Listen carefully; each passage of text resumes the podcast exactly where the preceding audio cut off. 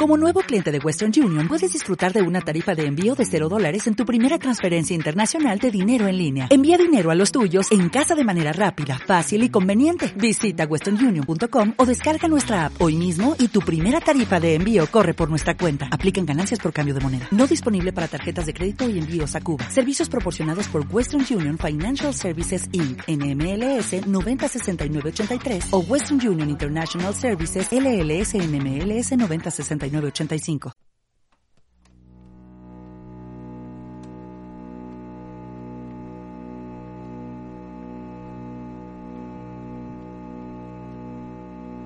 Judizio generalaz nola horit ez dira Bekatuan bizi dira beti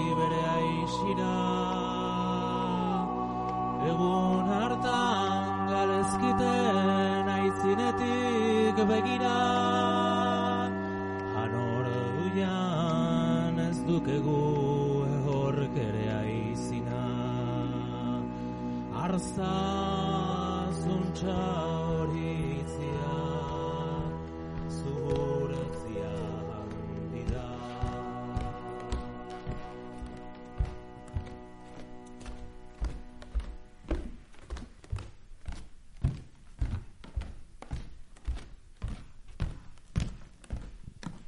Como introducción al segundo capítulo os voy a leer un poema que es lindo porque no alcanza ni a poema. Pero ¿quién quiere alcanzar si lo divertido es estarse? El poema dice así. ¿Por qué brilláis, cosas malditas, malditas cosas, por qué brilláis? El hielo queréis que se derrita y el calor congeláis. Dicho esto, y creciéndome el deseo de pasar a la acción, doy paso así al segundo capítulo que lleva por título La marca del sol.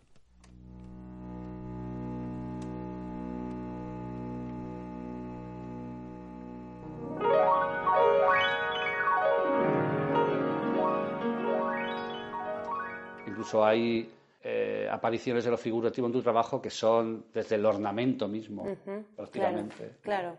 Incluso que pueda haber un collar. Mira, podemos volver al- a, la relación de Liz Taylor y el texto que el que Sí, escribiste sí. en su día en el proyecto Jehová, pero puede haber un collar y tú con un collar, según cómo lo pongas, según Sí. cómo qué, qué giros le des en el espacio, puedes ver un cuello, porque no está. O sea, por, Sí, por eso ausencia es. puedes ver un, cuello, es. ¿no? Me, me indican que hay... A una llamada. Me indican. Venga, Dios me dice. Dios me dice, eh, el ron aparece. ¿Cómo estáis? Eh, un gusto veros aquí, a ti también, Sacha, después de esa noche que nunca nos conocimos. Y nada, y bueno, mi nombre es Ana Martínez y yo quería preguntarte una cosa, Sacha. eh, bueno, pues a raíz de una entrevista que yo leí que te hicieron hace bastante tiempo ya, y en esta entrevista te pre- una de las preguntas que te hacían tenía que ver un poco como sobre el mal gusto y el buen gusto, ¿no?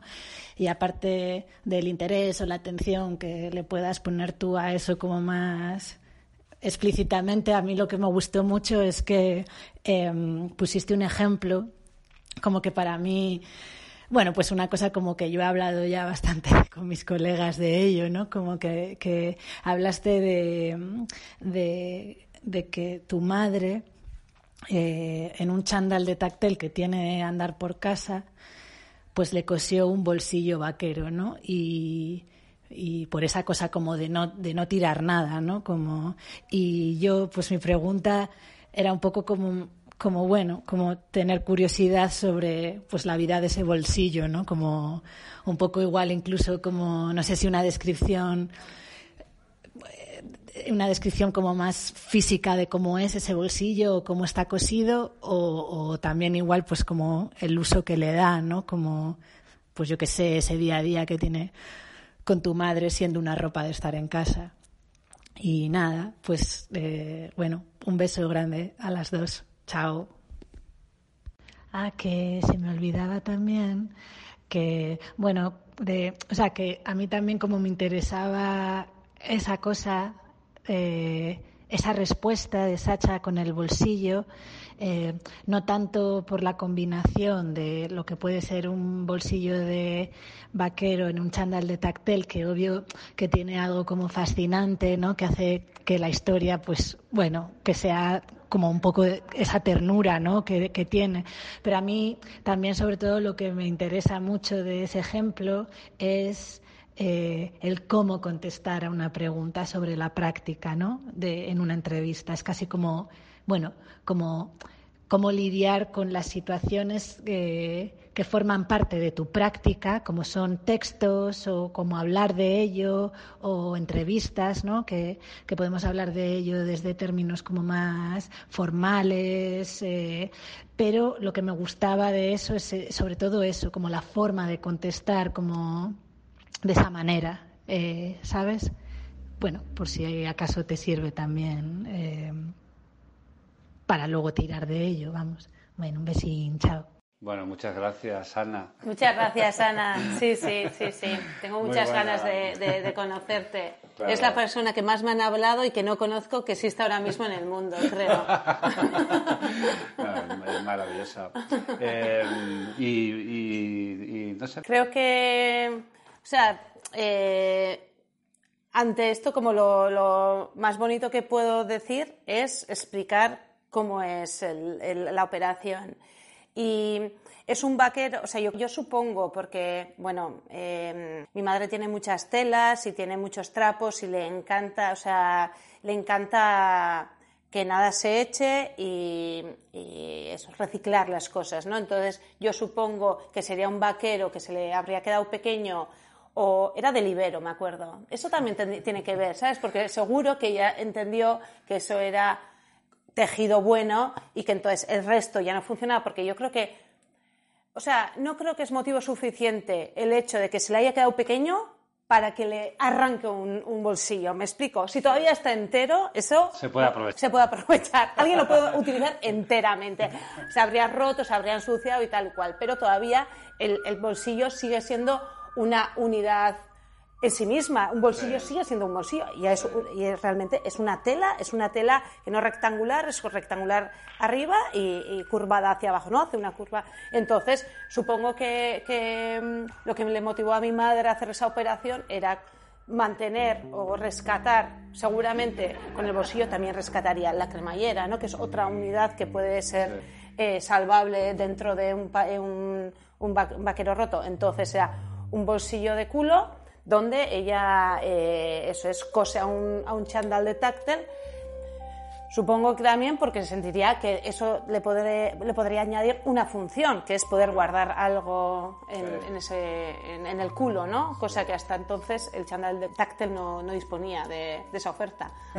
de esa posibilidad. esa posibilidad, ¿no? Eh, a mí me, también me gusta como la, lo que, no sé, igual me lo estoy inventando, uh -huh. pero creo que también es bonito como Ana claro, lo, lo, plantea en relación sí, a, tu, sí, a la práctica. Sí, eso también me... Claro, porque yo, o sea, quiero decir, cuando empecé a utilizar los objetos que que, que, utilizo, o sea, quiero decir, sí que había como algo, una cosa como más consciente en torno a los debates del gusto, ¿sabes? Y sí que pensaba que utilizar objetos o que no eran, eh, no sé, prosaicos, ¿no? Que sí que tenía algo en sí ese ejercicio como algo irreverente.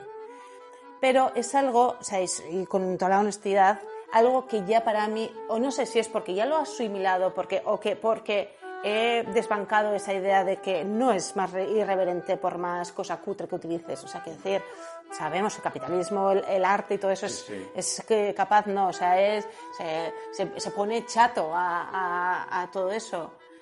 Entonces ya no es alguna, una cuestión que me, que me interese utilizar, o sea, cuestionar el bueno, el mal gusto. No de sé. hecho, eh, utilizar objetos por el simple hecho de que sean objetos malos podrían ser casi como gentrificar los objetos o algo así. Y en cambio, la idea es más bien otra, ¿no? Es como, o sea, como entender como la operación de de aislar la posibilidad dentro de la, de la uh -huh. aparente no posibilidad, que es casi una operación de montaje y remontaje. Claro, si es montaje. Eh, ¿no? Es como no ver el objeto por la totalidad, no, no, no, sino ver el fragmento que de repente puede dar lugar a otro objeto, ¿no? O algo sí, así. pero También, claro, viendo el fragmento como una totalidad en sí mismo, Claro, claro. claro, o sea, claro, por eso puede, o sea, porque tú, yo estoy entera, hablo contigo que tú estás entero. Si a ti te faltara la cabeza, no podríamos estar aquí. claro, Ya.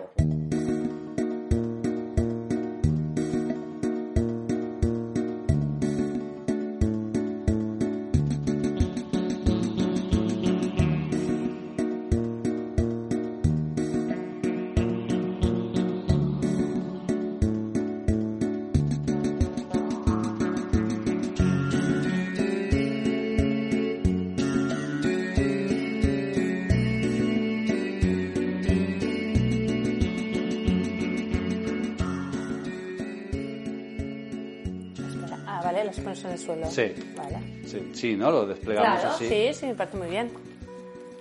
Entonces, Vale. Ah, claro, claro. ¡Ostras, qué bueno!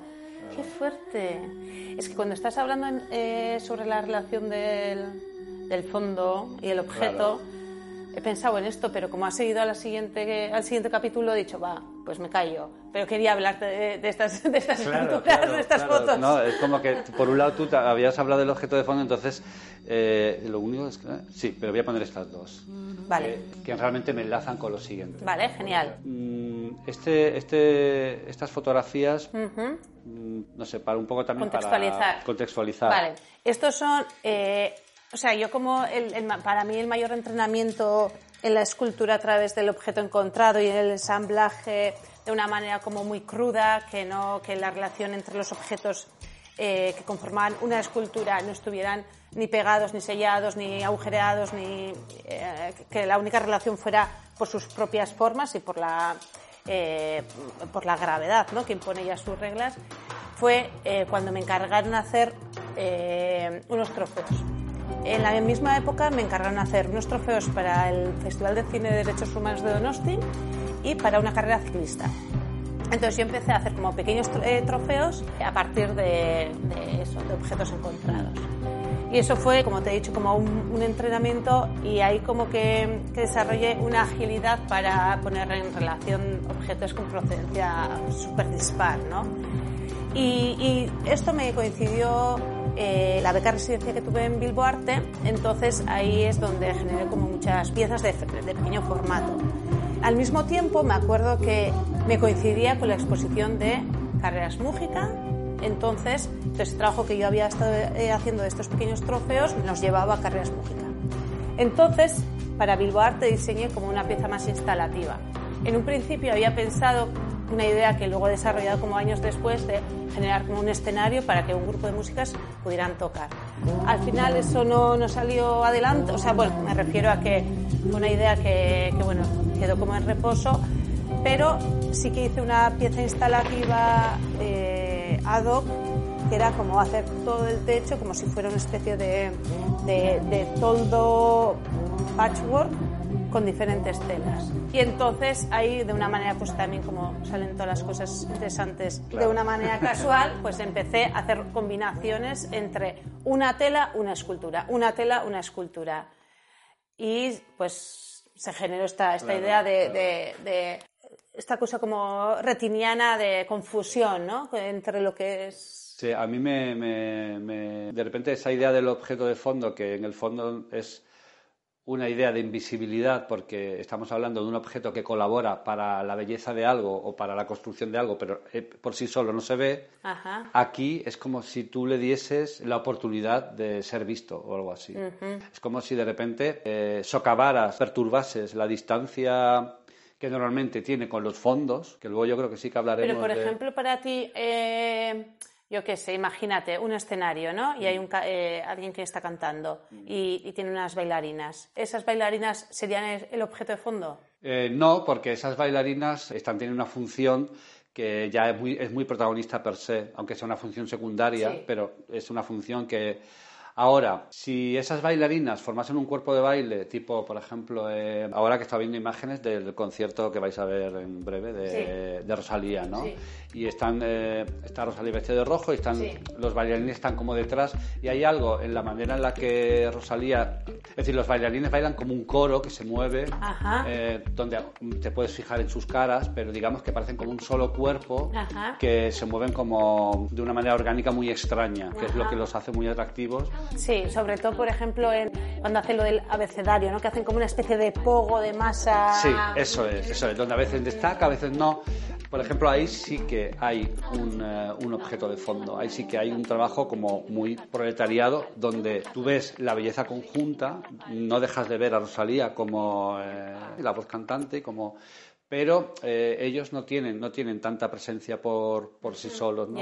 Claro. entonces a- ahí por ejemplo a nivel de lo que sería de lo que sería la traslación de un objeto a una persona pues sí que claro. funcionarían como objeto de Claro, fondo pero para mí en general todo aquello que llevamos en nuestro cuerpo tipo los tatuajes Sí. tienen una figura de objeto de fondo donde la piel es un fondo muy muy muy cercano pero eh, a no ser que sea un tatuaje muy llamativo tú lo ves como un conjunto ves a la persona como un conjunto no en general eh, el objeto de fondo para mí tiene mucha relación con lo orna- ornamental porque eh, normalmente está siempre disuelto en un puede estar perturbando mucho y, y- y- y afectando mucho el conjunto pero no tiene de por sí un primer plano entonces aquí eh, sí que hay como algo que para mí tiene mucho interés como imagen Sí. Eh, hay como una cosa muy plana donde Totalmente. De hecho, hay fotos de esta, de esta serie que es como difícil incluso que la gente no ha llegado a ver el, el propio objeto Claro, y se ha disuelto sí, en, sí. en el fondo, ¿no? Claro, También, claro, el juego del, del Sí, fondo como infinito, ¿no? como Donde- ciclogramas con Eso la... es. Y luego, bueno, que luego también como son curiosas las composiciones donde en sí misma pues ahí está, es- hay también un juego muy parecido a lo que se comenta de la relación entre el cuello y, y el collar, donde de repente que también es a nivel lingüístico, a nivel de semántica, de cómo trabajas esos, esos, esos, esos, ensamblajes de objetos, como eso también lo hablábamos el otro día, eh, remite bastante a esa forma de trabajar del surrealismo. Eh, por un lado, negando ciertas lógicas visuales de, de algunos objetos, Sí. conjuntando objetos que per Ajá, se. claro. ¿no? Buscando un poco el más allá de una simple fusión entre dos cosas que nos puedan parecer lógicas. Y buscando como eh, reuniones como muy extrañas de- Claro. de, objetos. O eso, ¿no? o por ejemplo, otra pieza también donde sí que el, el tema como del fondo de figura ha sido como muy, muy, bueno, que lo he tenido muy presente, es, eh, no sé si te acuerdas, una de las piezas que estaba en Balmaseda, en, la, en el proyecto Aire Abaki, eh, en aquella época encontré esta revista que se llamaba Max Tuning, que era como de, de, tuneo de coches. Era una revista como de 90s, 2000 ya no se produce. Y entonces era muy propaganda. O sea, quiero decir, eh, costaba 125 pesetas o lo que sea, pero eh, la mayoría de las páginas eran publicidad. Entonces era eh, un coche despezado. O sea, tú podías comprar bujías, podías comprar llantas, alerones, ¿no? Y entonces muchas de las páginas eran catálogos de llantas, de alerones. De repente, o sea, un objeto como funcional que dentro de un organismo complejo que es un coche tiene su sitio, lo aíslas, ¿sabes? Y lo representas el sol y de repente hay como un nivel de, de abstracción y de belleza en, en esas representaciones que, claro, a mí se me hacía in- inevitable hacer una relación directa entre esas piezas y las piezas con las que yo estaba trabajando en el estudio, ¿no? que también tiene que ver algo con, con lo mecánico, con el despiece, con la unidad, ¿no? con algo que está, son cuerpos enteros en sí. O sea, yo no trabajo con cosas rotas, desquerraza, hasta, hasta las hachas de Aizcora.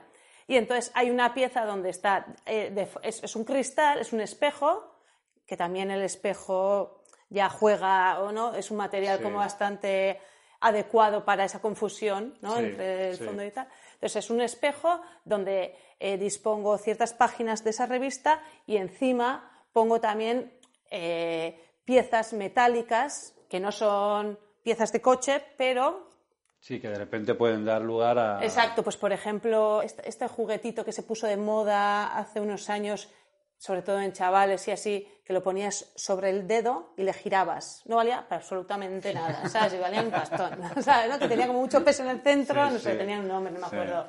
sí. Bueno, sin más. Vale, eh, pasamos a. Venga. Te paso a enseñar las siguientes imágenes que también creo que tienen un poco que ver. Con, con esto lo ponemos, lo ponemos allí. A ver. Venga. Sí, ¿no? Estas son las que en principio daban pie a la siguiente. Esto son las de objeto de fondo. Eh, aquí. El tarot te enseñará a crear un alma. Luego lo podemos cambiar. Tampoco. Vale, entonces yo el siguiente grupo de imágenes, Sí. que está encabezado por esta, que no es que sea la representativa, pero Sí. sí. Bueno, yo lo he Sí. llamado el siguiente grupo de imágenes Sí. eh, ornamento y delito.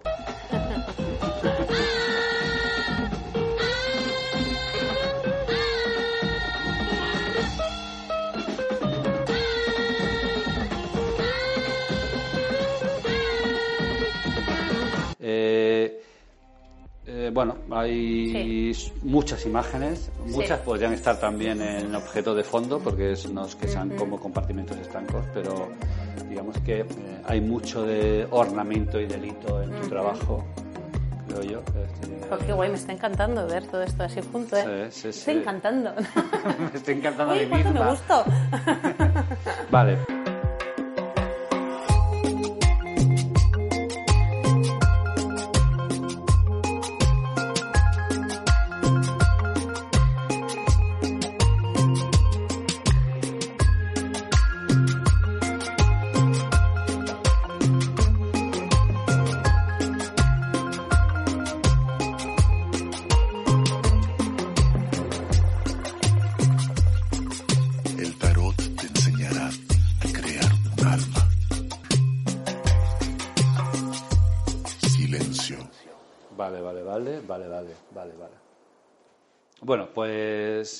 Creo que la cuestión del ornamento, como ese gran espacio en el que existiría el objeto de fondo, o podría existir el objeto claro. de fondo, la figura, bueno, Claro. hablamos antes del tatuaje, podemos hablar también como de los anillos, y parte de, los, de las imágenes que, que para mí hacen presencia del ornamento en tu trabajo, curiosamente tiene que ver con el, el que fue nuestro momento de encuentro, que fue eh, Pretty Woman. Claro, claro. Y fue como ese encargo para esa pequeña publicación, Claro. para el Pretty Woman que yo te pedí que Que hicieras. era un ornamento en sí mismo, la publicación. que era un ornamento en sí mismo, exactamente. Y eh, yo te quería preguntar eh, al ornamento en relación al deseo, que es un poco también, de alguna forma, yo entendí que toda esa imagen en relación al ornamento y en relación a Pretty Woman tenía que ver con, con- con algo como, como, como casi lo veía como un resto de, de- de un deseo, ¿no? Y te quería preguntar, bueno, no sé, ornamento, deseo, en tu trabajo, la figura del deseo creo que está como muy... Ya, no sé, yo creo que también, eh, o sea, creo que podríamos asociarlo con las imágenes arquetípicas. O sea, que estamos también concebiendo el ornamento desde su versión y su manera más arquetípica, que el ornamento, eh, no sé, en, en una escultura de Salaverría está, aunque parezca que todo es, ¿sabes? Estructural. Cos- estructural y que todo es, o sea, o está eso o, se, o, o- o desaparece la tierra, ¿sabes? No, o sea, que es como, es, eso es, es recurrir como a una, una idea como consabida de, de, de lo ornamental. Y igual sí que me, me puede interesar desde ahí, como desde la convención de lo que es un orna- ornamento, lo que sea, ¿no? No sé. Sí, quizás también como, es decir, pensando en, en trabajos donde se plantee que algo es importante y algo es accesorio Ajá, claro. y por lo tanto lo accesorio debe ser, por ejemplo, de un cierto minimalismo o idea del minimalismo, el accesorio debe ser eliminado, ¿no? Eh, mi pregunta es si eh, hay, en tu caso hay operaciones que, mm, bueno, que no digo que solo redunde en lo accesorio, como solo centra la atención en lo accesorio, pero porque claro, luego estoy pensando, estoy viendo estas imágenes, lo accesorio genera su propia necesidad estructural. Exacto, exacto. De hecho, o sea, para mí, eh, o sea, yo sí que soy muy consciente de que muchas veces, o sea, para, aunque, aunque a ti te parezca que una pieza que esté hecha con siete accesorios, ¿sabes? Para mí, el accesorio de esos siete solo va a poder ser uno. Y para poder poner ese uno requiere de los otros seis que yo ya les, yo ya Sí. les he convertido en estructurales, Claro, ¿sabes? Claro, claro. O sea, pa- para mí también la relación, en ese sentido, sigo siendo muy conservadora que la relación entre lo estructural y lo accesorial tiene que estar compensado. ¿eh? Y para mí siempre opera la, la lógica de, de- de lo funcional. Lo único que he llevado a mi terreno y con, o sea, ¿no? pues con elementos, con unidades que seguramente pro- proceden del universo de lo accesorial, pero, pero en mis lógicas constructivas el accesorio tiene que estar como muy, muy, muy medido, muy Claro, medido. claro, claro. Y de hecho creo que, por ejemplo, ahora he vuelto a instalar una pieza del 2018, que era como una pieza bastante compleja, que es esta que es este mueble de espejo que tiene la toalla de cerrar y todo eso. Sí, sí, sí.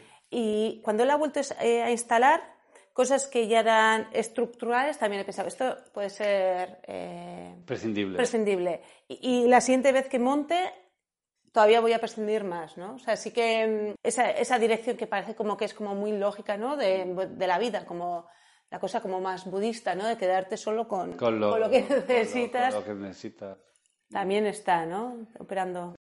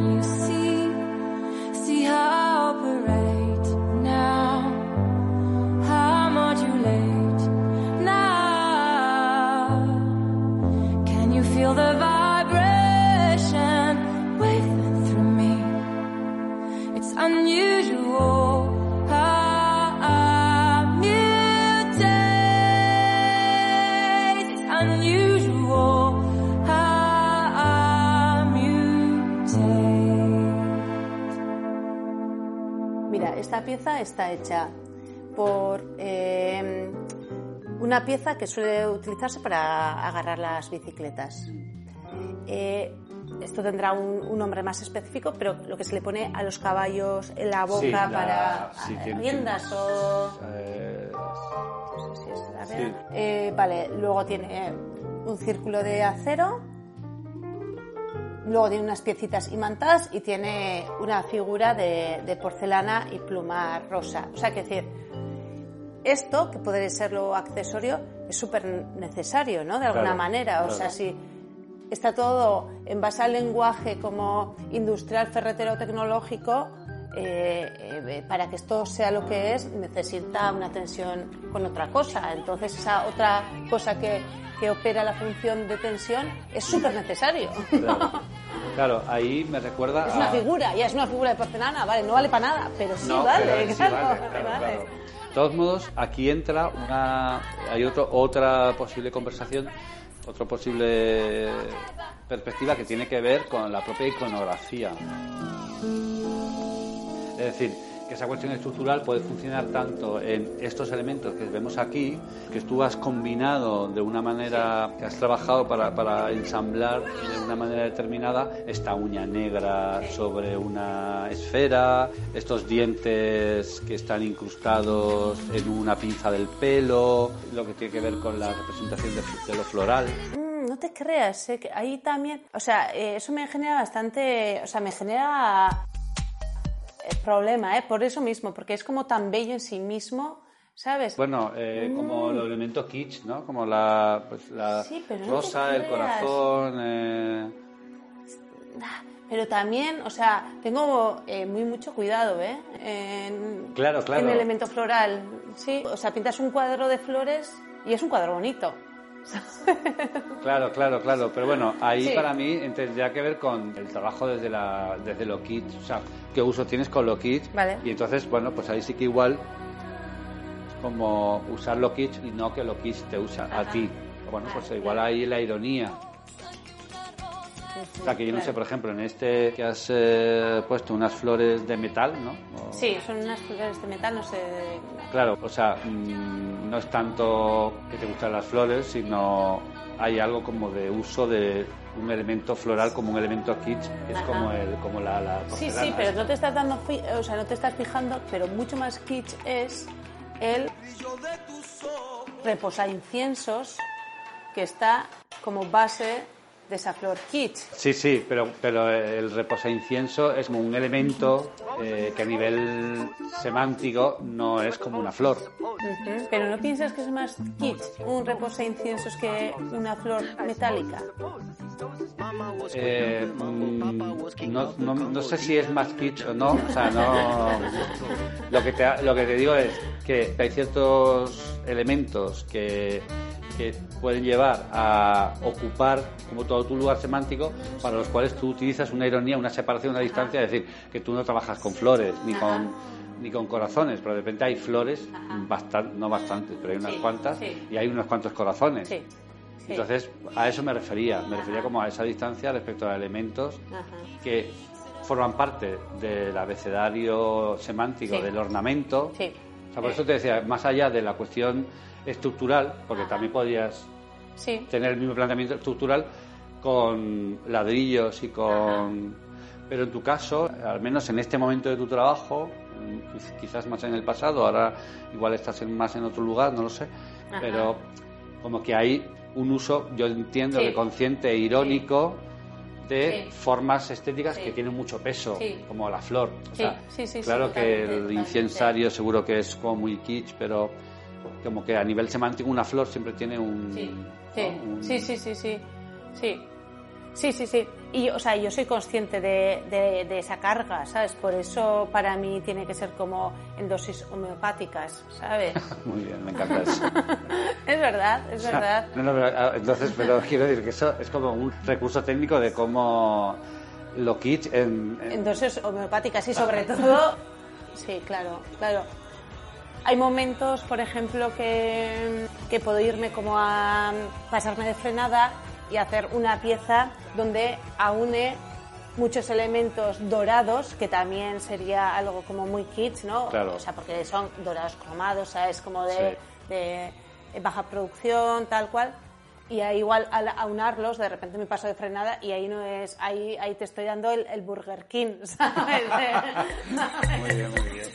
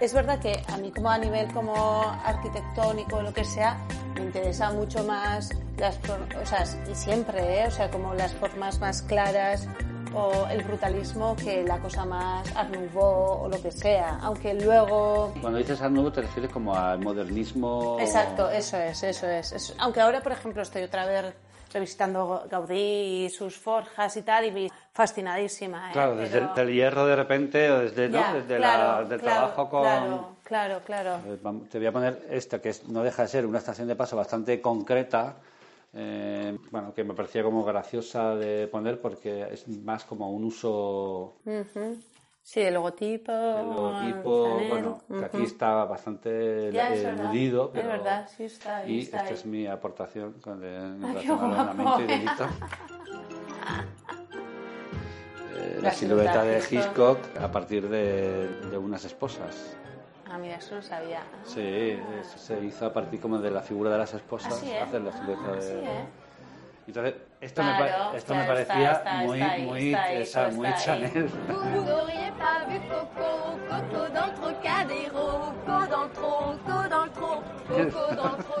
Chanel, sí, Muy Chanel, sí. Y también me parecía como con esta cosa del ornamento y delito y como la Ya. como también en el término de esos ámbitos que igual te pudieran interesar a nivel iconográfico, como que el ámbito de lo delictivo Ya, claro. eh, Claro. también estaba ahí como en un Claro. Mm. lugar que me parecía gracioso empezar por ese dibujo que tienes, que es uno de los dibujos que pusiste en Ajá. Bilbao Arte, Sí. y acabar con, la efigie de Alfred. Hitchcock. Es muy buena. Y ¿eh? la relación con el de la efigie de Alfred Hitchcock a la- al, al logo de Chanel, Ah, total, total. puedes hacer una variación. Sí, sí, sí, sí, total, total. Y el logo de Chanel. ¿qué, sí, ¿qué, qué- te interesaba? O sea, ¿había algo, te No creó? sé, o sea, volviendo como a las figuras así como más, ¿sabes? Que pueden estar como muy arcaicas en el subconsciente y que vuelven. Realmente igual lo que quería hacer era un ojo, ¿sabes?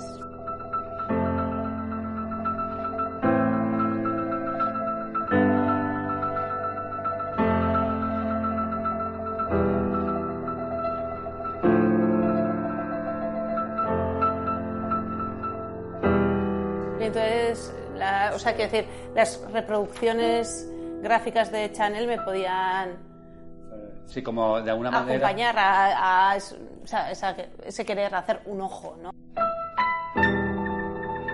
Luego también, claro, pues aquí también estaba yo como muy inmersa en la tesis y también como de la reproducción barata, eh, poder reescribir Chanel, ¿sabes? Malamente y poner a hacer el logotipo con la mano de Chanel, ¿no? Y decir, pues, o sea, eh, no sé, atravesar como los límites de la clase, bueno, de, sí, eso es de la cultura alta, la baja sí. cultura, no lo sé.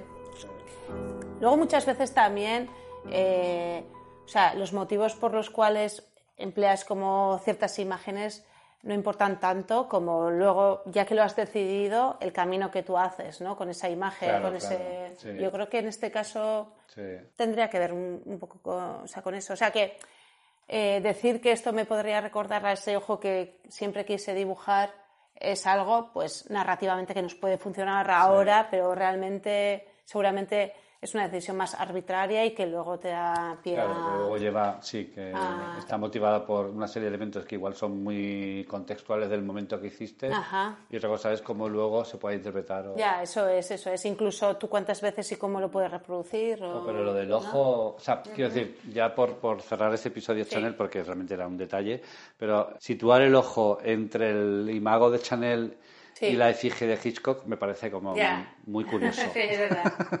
Aparte es un ojo bueno. casi ciclópeo, ¿no? Me Claro. parece ahí como que hay... Claro, que esa imagen también, como la, la escultura esta de. que también hice como un- en la serie de cuando hice los trofeos, esta que es como un triángulo dorado con una teta de goma Ah, que sí, es un ojo, sí, ¿no? sí. Es el cíclope, es, como, es como Dios. Dios de. Dios chabacano. long.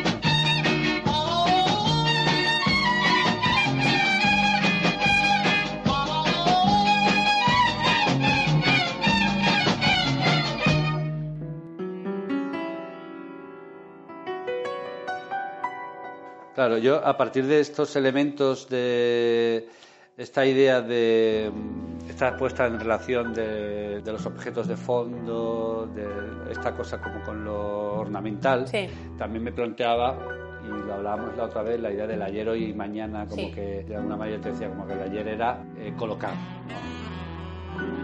Ajá. que había en tu Sí. trabajo una cosa de colocar, Sí. pues en la expo en Carreras Música y en otras muchas expos parte del asunto era colocar y luego había una como una fragilidad consustancial Sí. eh, que a mí me parece muy interesante. Eh, me, me parecía en ese momento y me sigue pareciendo muy interesante, eh, con la que luego has dialogado, porque de hecho las piezas ahora no, precisamente no son tan frágiles. Ajá. Pero bueno, a mí esa fragilidad me, me llamaba mucho la atención, como esa posibilidad de todo el rato que se pudiese Sí. romper alguna pieza, porque estaban colocadas, ¿no? Sí, Y por otro lado estaba la figura del bodegón, que siempre También. bueno, esas piezas remitían a la figura del bodegón Sí. y tú siempre has hecho actualizaciones particulares y personales del bodegón, ¿no? Entonces, bueno, Sí. aparte de que he apelado a bodegones de otras y de otras personas. Mm. Qué chulo eh, esto. Este, este- este- este yo creo que además se llama Pretty Woman. ¿eh? Sí, ¿De qué? es de eh, Audrey Flack. Vale. Eh, bueno, aquí el bodegón sería Sí, este sí, que sí, tiene sí. un componente Sí, claro. Sí. ornamento y delito también.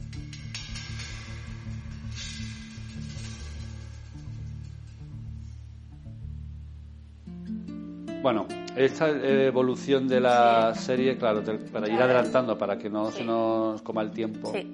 y ir un poco más rápido. sí. He pasado un poco como Claro. del bodegón Sí. a la relación entre lo horizontal y lo vertical Ah, en tu trabajo. importante. Y te quería preguntar, Sí. eh, por eso mismo, en relación a la figura del mobiliario. Eh, no sé si es algo que ahora ya no, por el momento, te interesa menos, pero que en su momento sí que Sí, sí, totalmente. Sí, sí, sí. De hecho, o sea, yo creo que o sea, empecé como a trabajar con. Además, es como una especie de mobiliario de, de pequeño medio formato. Y, y tiene que ver también con un mobiliario de función cuestionable. Por ejemplo, me he dado cuenta que eh, muchas de las piezas, el mobiliario que extraigo son o de baño o de hall. ¿Sabes? Ah, Porque son eh, piezas que sobre todo me, la- me las puedo llevar. O sea, puedo encontrarlas en una tienda o en la basura o lo que sea, me las puedo llevar. Más o menos calculo que es como un metro de, de- de ancho o de alto, ¿no? Y ese tipo de mobiliario normalmente se suele corresponder al, al baño o al hall. O plus, vale, vale, tenemos la medida y también la materialidad.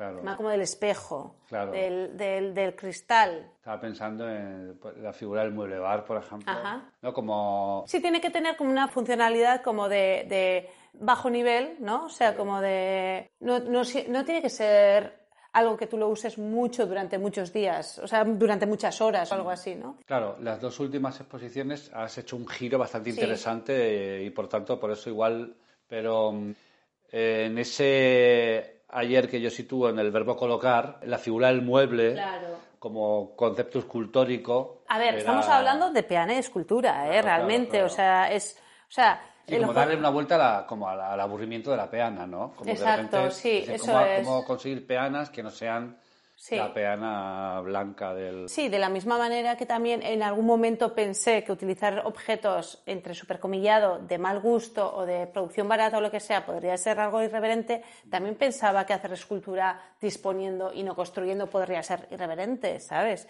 Ahora no lo pienso para nada, de hecho, ahora es como incluso, ¿sabes? Que yo me he vuelto como muy, ¿sabes? Incluso un poco nazi en el sentido de decir, en plan, eso yo también lo puedo hacer, no, no, o sea, eh, vete más allá, ¿no? O sea, quiero decir, de pongo una lámina y pongo cuatro cosas de cerámica encima, a mí en muchos casos ya no me vale, ¿no? O sea, el disponer no me parece un acto, eh, eso, radical en sí mismo. Pero bueno, hubo un momento que sí, que sí jugué mucho ese, ese juego y que ahí está, ¿eh? Y luego el universo simbólico del bodegón, a mí como, no sé, observando los bodegones creo que hay algo también ahí que tiene que ver con los objetos de fondo, o casi como esta idea del una civitas de, de los objetos, como Mm. un tocador es un lugar donde puede haber una ciudad de objetos, Mm, Claro, eh, claro. donde el uso también marca su lugar de colocación, ¿no? Sí, sí, sí, sí. De hecho, como eh, ahora que has dicho eso, por ejemplo, eh, los cementerios también, o sea, si nosotros ampliáramos la escala y pusiéramos la mirada, volviéramos a Izcora, ¿no? Y pusiéramos la mirada en unos seres mucho más eh, grandes de lo que somos realmente y viéramos, ¿no? O sea, sí que tiene la cosa de una pequeña civilización, ¿no? Pues, pues un cementerio, si nosotros fuéramos mucho más grandes, también sería un, Una pequeña civilización. un- no, no, no, no, no, eso lo es. Sería un, eh, joder, un bodegón. Sería el modelo. Sería un cementerio. si fuéramos en una escala más grande, esto es un, ese sería un bodegón, ¿no? O sea, Ah, ¿no? eh, Una uy, llamada. Una llamada. Eh, me indican, por favor, urgentemente. Que se tiene que ir ¿Qué? a, ¿Qué? a sacar al perro. Eso es.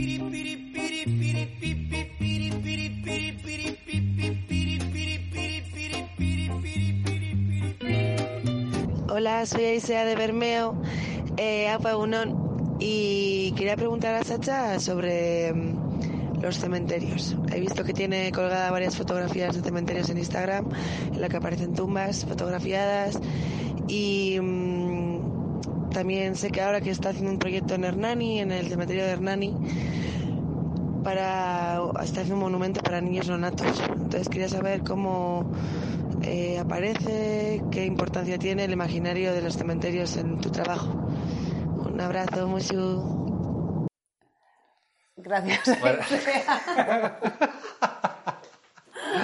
Ahí sea, muchas sea, gracias. muchas gracias de verme. A ver si algún día nos conocemos. Pareces una tía muy yo- tiene, tiene pinta de Tiene maja. pinta de Tiene pinta- Tiene pinta de, pasártelo súper bien con ella, vamos. Claramente, claramente. Pero aparte hace una pregunta muy... Muy gracias, pertinente. Se nota que estás sí, escuchando el programa. Sí, sí, sí, sí, sí, sí, sí, es verdad, es verdad. Justo hablamos de cementerio y... Es verdad, es verdad. Bueno, es, eh, es un espacio dedicado a los duelos perinatales, porque ya he dicho que es eh, a los eh, no natos, pero pueden que hayan nacido, o sea, no es... Eh, pero realmente me cuesta hablar de algo que todavía no está, que es en Sí. el proyecto, entonces prefiero hablarlo cuando se haga y, y a Pero posteriori. y este interés por Sí. los cementerios, eh, bueno, eh, me, me- me ha parecido como muy interesante la comparación que has hecho con el bodegón. Ajá. Es una comparación muy brillante, o sea, como de... Quiero decir, eh, porque yo viendo un bodegón no pienso en un cementerio, pero de repente, ahora que lo has dicho, no puedo dejar de pensar en un cementerio en relación a un bodegón. De hecho, eh, los bodegones también, según que pongas en el bodegón, se podría llamar naturaleza muerta. Incluso, o sea, que decir, no, no, o sea, no hay cosa más, más, más muerta que eh, una flor podrida en un cementerio, ¿no? De hecho, eh, como que me parece como muy curioso como esa relación objetual de las cosas que se disponen para la vista y cuando tú has hecho el comentario con el cementerio, porque es decir, pensar como el cementerio como algo que se dispone a la vista eh, de algo que no puede ser visto. ¿no? Claro, Como- y sobre todo como son espacios, sabes, que tienen como otra temporalidad. O sea, mm, o sea, el mundo va más lento dentro de un cementerio. Yo creo que si pasaras cinco años en un cementerio sin salir, creo que no envejeces. ¿sabes? creo que no envejecerías. Creo que saldrías igual, igual. O sea, sería como un, proceso balsámico donde estás ahí. Y, y entonces eh, es, como muy interesante. Y también volvemos otra vez a, a las flores de metal de antes. O sea, cómo hasta me parece como muy interesante esos momentos del, del cementerio donde se hace alusión a lo, eh, a lo blando. O sea, esto sucede muy poco porque realmente los cementerios son como sitios muy homologados que hay como muy poca opción como a, a- a la versatilidad, a la variedad, teniendo en cuenta que son espacios que habitan muchas personas durante muchísimos años. O sea, que cualquier cosa dedicado a la vida sería mucho más variopinto, ¿no? Teniendo todo eso en cuenta, que están personas y que, que- que- están ahí desde, pues desde que sobre todo eh, desde los- de, de las iglesias ya había tantos muertos que tuvieron que desplazarlos a las periferias de, de los pueblos, tú vas al cementerio buscando la cruz, pero de repente cuando encuentras una almohada de mármol, sabes que hace alusión a eso de lo blando, como de, de lo gocho, de lo tal, pero a partir de la piedra, de- del mármol, ¿no? Esos juegos, igual que las flores o igual que... Volviendo a este aspecto semántico de que yo quería incidir en este encuentro con las imágenes, como de hablar desde elementos que se reiteran en ti, como esa especie de conflicto o esa dialéctica entre lo blando y lo duro. Claro. Donde de repente hay veces que tú reivindicas lo blando, pero hay veces que tú eh, ironizas con esa propia reivindicación de lo blando y de repente lo duro tiene como un lugar. Yo creo que el cementerio igual, según lo que dices, es como ese lugar donde, eh, claro, lo blando y lo duro alcanza una cota de... de- lo más importante ahí es lo, es lo blando, porque es el, el muerto, digamos, el- lo, lo- lo que, lo que desaparece Es la serpiente. es la serpiente, pero lo que queda es lo duro. Es el hacha, claro, claro. Claro, la cuestión es, la, la venganza de la serpiente es que la serpiente, sea- que lo blando siempre vuelve. Sí, dale. Estoy avanzando muy rápido con este cementerio. Le temps Los ejemplos de cementerio. et je t'attends depuis longtemps. Et le temps prend son Pues yo creo que los dos son en. España. Vois-tu le temps a tout son temps? Fin del capítulo segundo.